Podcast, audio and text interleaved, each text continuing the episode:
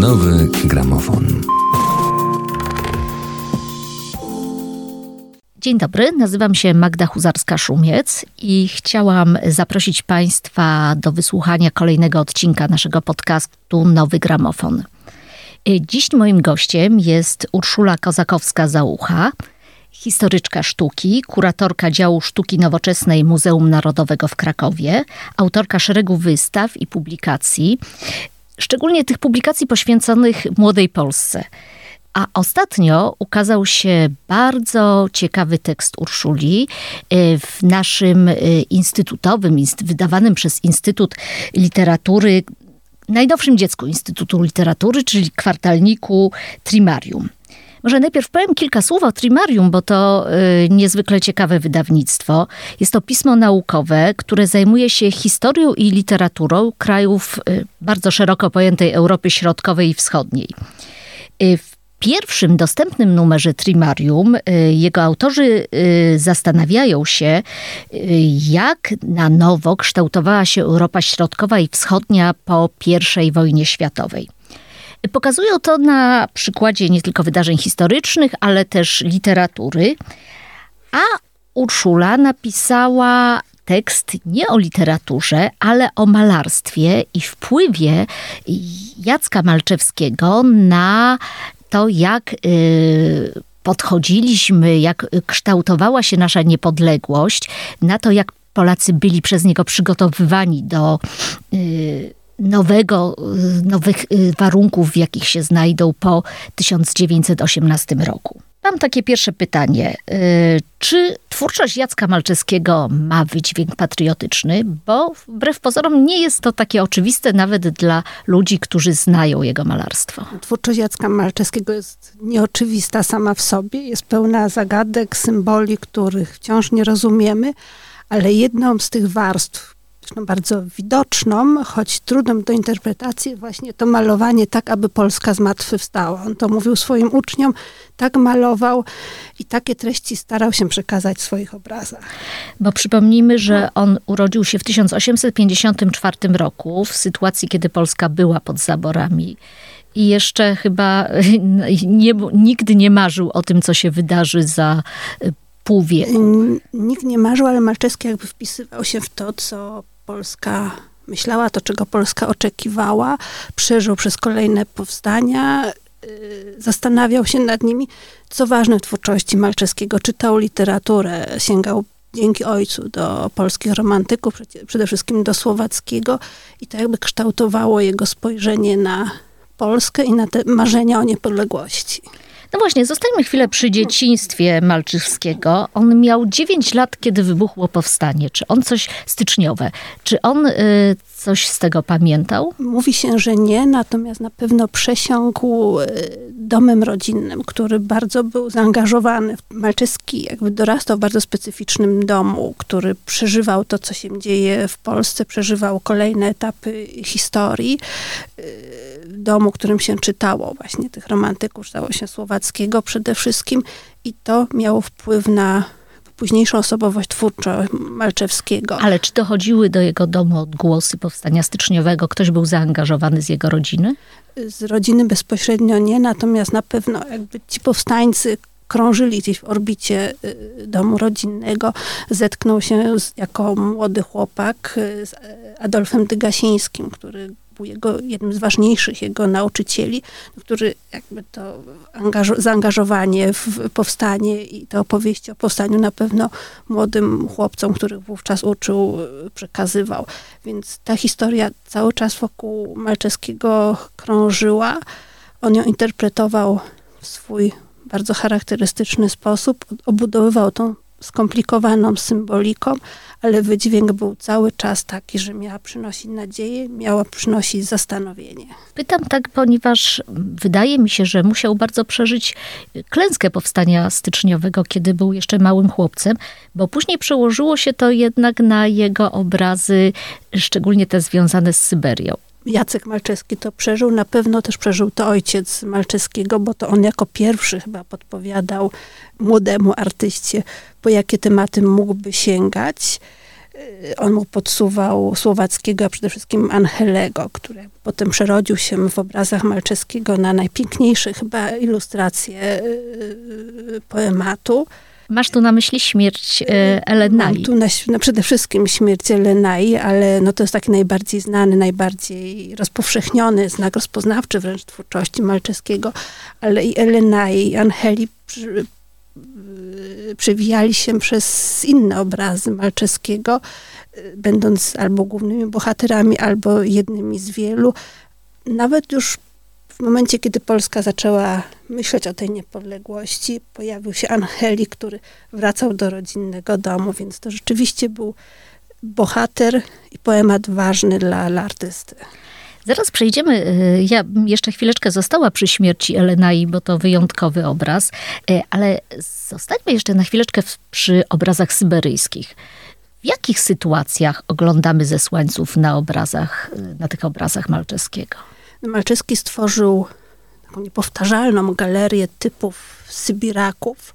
Oczywiście to nie byli jacyś konkretni yy, powstańcy, konkretnie zesłańcy, bardziej wy, wy, wymyśleni przez Malczewskiego, ale on troszeczkę zaskoczył odbiorców, bo nie przedstawił ich jako wielkich bohaterów, yy, tylko przedstawił ich jako bardzo zwykłych, przeżywających swoje nieszczęście, takich jakby odzianych z nadziei y, mężczyzn. I wydaje mi się, że ten taki naturalizm, to taka beznadzieja, która z tych portretów y, bije, sprawia, że one są dla nas bardziej prawdziwe. Czujemy ten dramat, czujemy to samotnienie, brak nadziei kolejnych Sybiraków. Tak, po wystawie, która e, była w Krakowie, a której byłaś kuratorką e, obrazów e, Jacka Malczewskiego, ja ciągle mam przed oczami te twarze tych ludzi.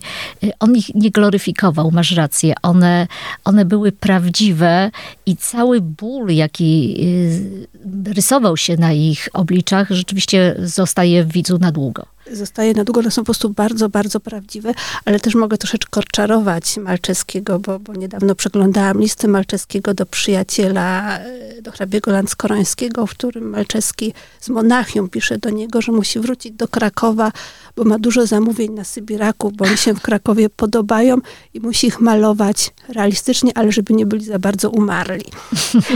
No tak, na ścianach mieszczańskich domów nie najlepiej by to wyglądało. Więc w pewnym momencie po prostu Malczewski poszedł już w interesy, a niekoniecznie w prawdę. Ale w przypadku śmierci Elenai yy, jednak to, to, to była, no właśnie, to nie była prawda. To był y, obraz oparty na Angelim Juliusza Słowackiego. Przepiękny obraz. Opowiedz, jak on wygląda. Może spróbujmy choć przybliżyć go. Są, jest przede wszystkim kilka wersji śmierci Elenai, ale ta najbardziej znana, która jakby wizualizuje nam za każdym razem Angelego, jak mówimy śmierć Elenai, to mamy przed oczami ten jeden konkretny obraz Malczewskiego, który można oglądać w Galerii Sztuki Polskiej XIX wieku. W sukiennicach z piękną, złotowłosą kobietą Elenai, która według poematu umiera, na obrazie Malczewskiego raczej usypia i towarzyszący jej smutny, załamany Angeli. Scena rozgrywa się w biednej chacie gdzieś tam na Syberii. Jest to rzeczywiście obraz, który zostaje w pamięci swoim pięknem, ale też sposobem malowania, światłem, rozbłyskami światła na, na pięknych włosach Lenai. Obraz, który bardziej zastanawia, ma jakąś nadzieję, niż właśnie ilustruje w sumie bardzo trudny moment y, z poematu. Ale powiedziałeś, że e, widzieliśmy w Krakowie e, podczas wystawy, mogliśmy obejrzeć chyba bodajże dwa, dwie wersje śmierci Elenai. Czym one się różnią? Kilka lat później, już na początku XX wieku, Malczewski jako bardziej dojrzały, pewny siebie artysta sięga ponownie po, po temat śmierci Elenai i prezentuje obrazy o zdecydowanie odważniejszej perspektywie. Ta śmierć sukiennicowa jest bardzo klasyczna, taka pod względem kompozycji, natomiast ta, te drugie, bodajże dwie późniejsze wersje wzorują się na obrazie włoskiego mistrza renesansu Andrea Manteni, kiedy portretowana, uchwycona jest od strony stóp. Tu pojawia się ten skomplikowany skrót perspektywiczny. I tu dla Malczewskiego oczywiście temat jest ważny, ale można się domyślać, że też ważna jest kompozycja, że on tu też podejmuje jakieś wyzwanie malarskie, kompozycyjne, żeby pokazać, jak sprawnym artystą już jest. Tak, to, to o czym opowiadać rzeczywiście y, jest niezwykłe i wszyscy, którzy byli w Muzeum Narodowym w Krakowie i mogli zobaczyć te obrazy, że mogli być pod wielkim wrażeniem. Y, mówimy tutaj o fascynacji Malczeskiego literaturą romantyczną, ale nie tylko. On fascynował się, będąc pod wpływem romantyzmu, fascynowała go przyroda, ale też polski folklor no, choćby tego rusałki, fauny, których nie brakuje na płótnach. Yy, powiedz, czy ta fascynacja związana jest w jakiś sposób z poszukiwaniem tożsamości narodowej, właśnie z tym przygotowywaniem Polaków do życia już w wolnym kraju?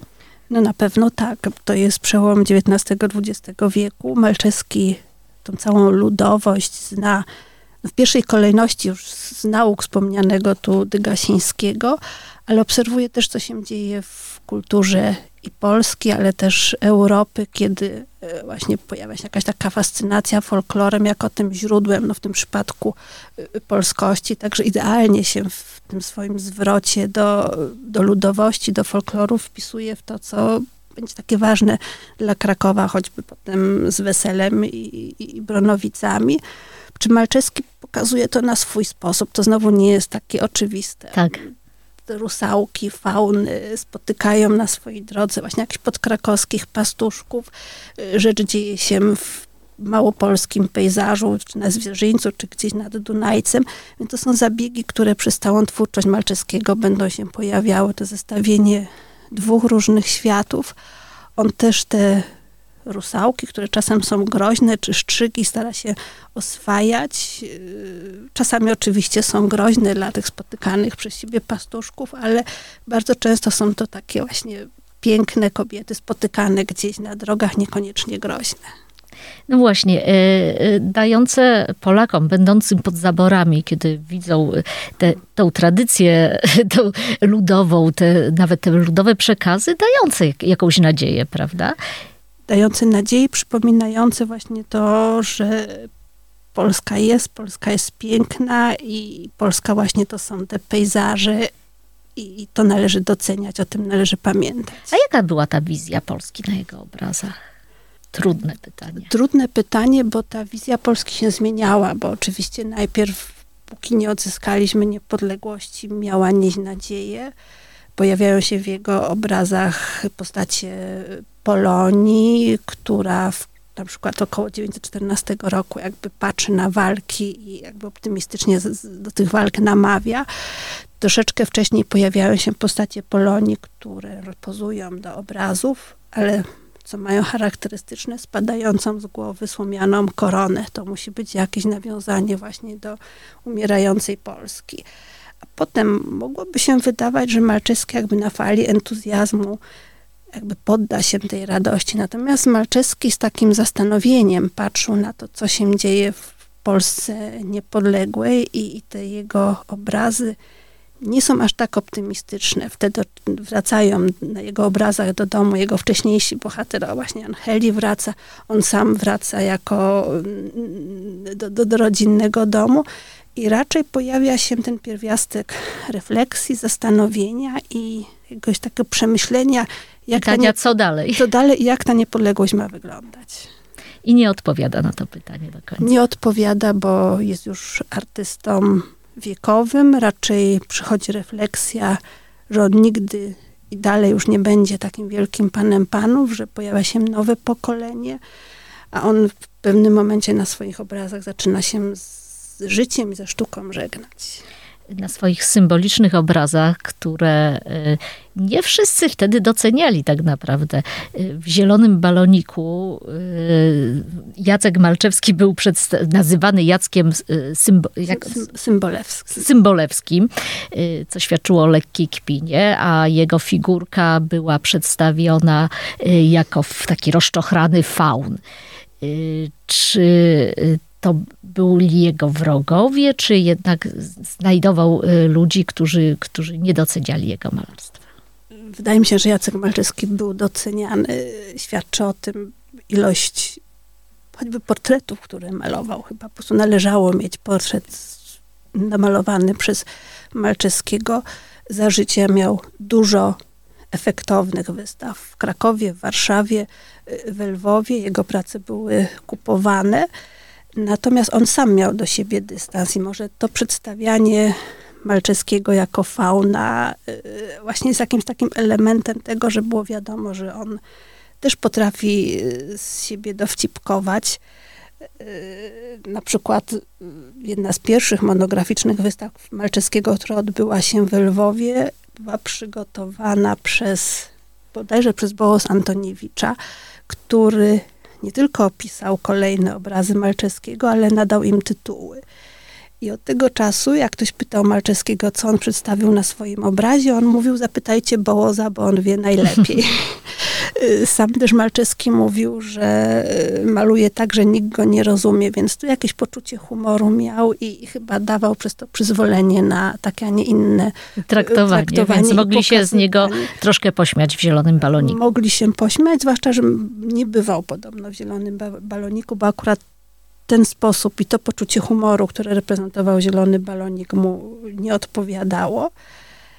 Ale też patrząc na obrazy, zwłaszcza na autoportrety Malczewskiego, można zobaczyć, że on jednak malował siebie z przymrużeniem oka. Oczywiście zawsze portretował się jako taki młodopolski pan panów, bardzo dumny. Rycerz, rycerz, rycerz przy drabinie. Rycerz przy drabinie w zbroi, yy, z odpowiednimi symbolami, czasem właśnie z symbolami malarskimi, ale też lubił się przebierać na tych autoportretach, ubierać damskie bluzy, bereciki, yy, więc tu chyba jakieś właśnie takie poczucie humoru i ten dystans do siebie pojawia się.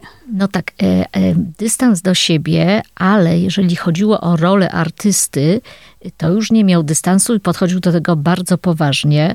E, dla, według niego artysta miał do odegrania bardzo poważną e, rolę w społeczeństwie i chyba to, o ile pamiętam, najmocniej podkreślił podczas spotkania ze studentami już jako rektor e, ASP. Ten temat i problem artysty, jego roli, jego odpowiedzialności de facto był obecny w jego twórczości prawie od początku, od tych najbardziej programowych dzieł, dzieł czyli od Melancholii, Błędnego Koła czy Malarczyka, przez całą serię obrazów, na których pojawiają się chimery kuszące artysty, przynoszące mu natchnienie, ale też właśnie prowokujące do pytania jak i co artysta może pokazywać, jak może wpływać na swoich odbiorców. Właśnie od tej słynnej mowy rektorskiej, której podpowiadał młodzieży, jak mają malować. Myślę, że, że, że przygotowywał rzeczywiście młodzież y, do tego, co się miało wydarzyć. On miał jednak świadomość, zresztą sama o tym piszesz y, w swojej publikacji w Trimarium, y, miał świadomość jednak tego, że przygotowuje ludzi do tego, co się ma wydarzyć. Wierzył w to, że jednak Polska odzyska niepodległość. Co zaskakujące, sam e, był rektorem i potrafił takie mowy wygłaszać do studentów, a kiedy będąc jeszcze studentem, rektorem był, e, był Jan Matejko, wystąpił przeciwko niemu dość mocno i nawet zrezygnował z dalszej nauki, ponieważ nie odpowiadał mu styl Matejki, który narzucał on swoim uczniom. I tak się zastanawiałam, czy to nie jest tak troszkę, że e, Matejko z jednej strony przygotowywał Polaków do odzyskania, do tego, w jakim kraju po odzyskaniu niepodległości będą żyli i, i po swojemu wlewał w nich nadzieję, a Jacek Malczewski robił to po swojemu. Dwa różne style, symbolizm, historyzm. Ale czy to historycyzm, czy to rzeczywiście nie było to samo? to nie było takie samo przygotowanie gruntu pod to, co się miało zdarzyć? Przygotowanie gruntu tak, ale jakby inne było chyba źródło, bo Malczewski, Matejko jednak czytał historię, starał się zrozumieć historię i pokazać historię, a Malczewski mówił, że chce malować to, co czuje, więc tu jednak bardziej chyba nowocześnie, bardziej uczuciowo, bardziej impresyjnie, ale jakby efekt podobny jakieś zmuszenie widzów do zastanowienia się, do cofnięcia się w czasie, do, do nadziei. Mówimy tutaj o 1918 roku, odzyskaniu przez Polskę niepodległości. I wydaje mi się, że takim sztandarowym dziełem, które wtedy powstało, była Polonia. Spróbujmy opisać ten obraz. To jest jedna z wielu Polonii. Ta, o której mówimy, znajduje się w zbiorach Muzeum Narodowego w Kielcach. Polonia oczywiście o rysach twarzy tej najbardziej lubianej modelki Malczewskiego, czyli Marii Balowej. Przedstawiona jest znowu w sposób bardzo charakterystyczny dla Malczewskiego. Jest jakby elementem rebusu. Y, postaci kobiecej towarzyszy szereg symboli, szereg y, różnych rekwizytów, które staramy się y, rozpoznać, wytłumaczyć. Nie wiemy, czy słusznie postać budzi wiele skojarzeń. Siedzi w przepięknym stroju, w koronie na głowie, w koronie, która przytrzymuje czarny welon. Sama korona e, przypomina koronę Kazimierza Wielkiego, a więc też jakieś takie skojarzenia pomatejkowskie się pojawiają. Na plecy ma narzucony szynel, a więc płaszcz e, wojskowy, jeden z ulubionych bohaterów Malczewskiego, przewijający się w portretach Sybiraków, ale nie tylko przez całą jego twórczość. Y, nie wiemy, dlaczego Polonia ściąga rękawiczkę, czy może ją ubiera. Y, zastanawiają też widoczne za nią stopy zakrwawione, ale stopy, które wyrwały się z kajdan. Widać tam te rozerwane y, kajdany. Tak. Też jakieś znaczenie. Tak jak wszystko u Malczewskiego mogą mieć niebieskie kwiaty widoczne y, w tle kompozycji, czy ten kolor niebieski, który właśnie pojawia się na kwiatach, czy na elementach stroju y, Polonii, jaki jest symbol nadziei. To wszystko pozostaje w sferze naszych interpretacji bo Malczewski chyba tak chciał. Tak lubił komplikować, y, stawiać pytania, prowokować. Świadomy był oczywiście tego, ale to był on. I to był taki moment, y, w którym mógł stawiać te pytania, y, ponieważ mamy przed sobą również specjalistkę, która wszystko wie o Marii Balowej. Nie mogę się powstrzymać teraz, żeby chwilę z tobą nie porozmawiać o tej pani. Kim ona była dla Malczewskiego? Była przede wszystkim jego muzą i była też towarzyszką rozmów, rozmów intelektualnych o sztuce, o poezji, o literaturze. Yy, oczywiście w podtekście pojawia się mały skandal, bo Malczewski miał żonę, Marię Graleską, później Marię Malczewską, która towarzyszyła mu do końca, natomiast Balowa pojawiła się pod koniec XIX wieku i towarzyszyła Malczyskiemu do 1914 roku, właśnie jako taka partnerka rozmów intelektualnych, której on powierzał najważniejsze role na malowanych wówczas obrazach. Po zerwaniu, po zaprzestaniu znajomości te rysy twarzy jeszcze będą się pojawiały na innych obrazach y, Malczewskiego, natomiast bardziej będzie to już jakaś imaginacja niż malowanie, jakby sposób y, z natury. Ale czy ona była tylko partnerką jego rozmów intelektualnych? I modelką.